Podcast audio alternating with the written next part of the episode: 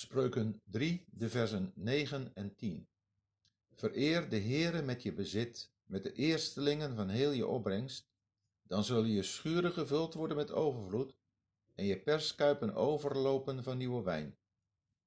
Het vijfde advies heeft betrekking op het vereren van de Heere door de Zoon met wat hij bezit. Er staat niet dat hij iets aan de Heere moet geven, maar dat hij hem moet vereren. Het gaat ook niet om iets van zijn bezit, het gaat erom dat hij het doet met zijn bezit. Het ziet dan ook op alles wat hij bezit, zijn hele kapitaal, alles wat hij heeft gekregen door het te verdienen of door het te erven. De opbrengst is wat hij heeft verkregen door ervoor te werken, de opbrengst uit arbeid. Het geven van de eerstelingen van een oogst houdt de erkenning in dat heel de oogst van de Heere is. Tegen de zoon wordt gezegd dat hij voor het bepalen van de eerstelingen moet uitgaan van heel zijn opbrengst. Hij mag niets vergeten of buiten de berekening laten. God vraagt dat we alles betrekken in onze beoordeling van wat van hem is. De eersteling wijst op een bijzondere wijze op Christus, de eersteling van hen die omslapen zijn, 1 Corinthiërs 15 vers 20. Hij heeft zich volkomen gegeven voor hen die van hem zijn. Als wij de eerstelingen brengen, wordt God aan hem herinnerd. We begrijpen een waarheid pas als we die hebben leren zien in verbinding met Christus. Dat maakt het hart ook gewillig om te beantwoorden aan de verlangens van God. Geven staat niet op zichzelf. Geven als zodanig betekent niets. Geven heeft alleen waarde als het gebeurt om God erdoor te verheerlijken. Wij kunnen wel geven om er een goed gevoel door te krijgen. We verheerlijken onszelf erdoor. Zo gaven de fariseeën. We kunnen ook geven om er beter van te worden. Dan investeren we in God. Hij wordt een beleggingsobject. Het gaat echter niet om ons, maar om Hem. We hebben ons bezit van Hem gekregen om Hem ermee te vereren. Ook van onze aardse bezittingen geldt dat het uit Hem en door Hem en tot Hem is zoals we lezen in Romeinen 1, vers 36.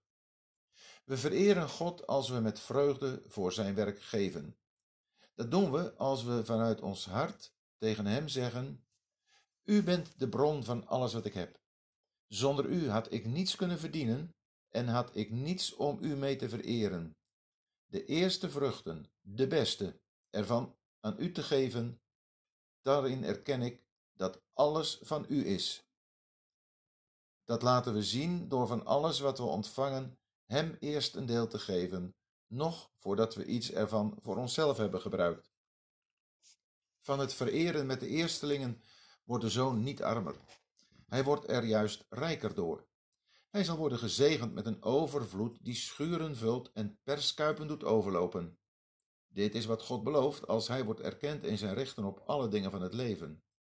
Hier geldt zeker wat bij de inleiding op dit hoofdstuk is opgemerkt, dat we moeten bedenken dat het hier gaat om beloften die zeker worden vervuld, maar niet altijd tijdens het leven op aarde.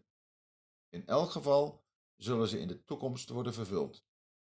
We passen dit vers verkeerd toe als we zeggen dat we, als we geld geven, veel meer geld terugkrijgen dan we hebben gegeven.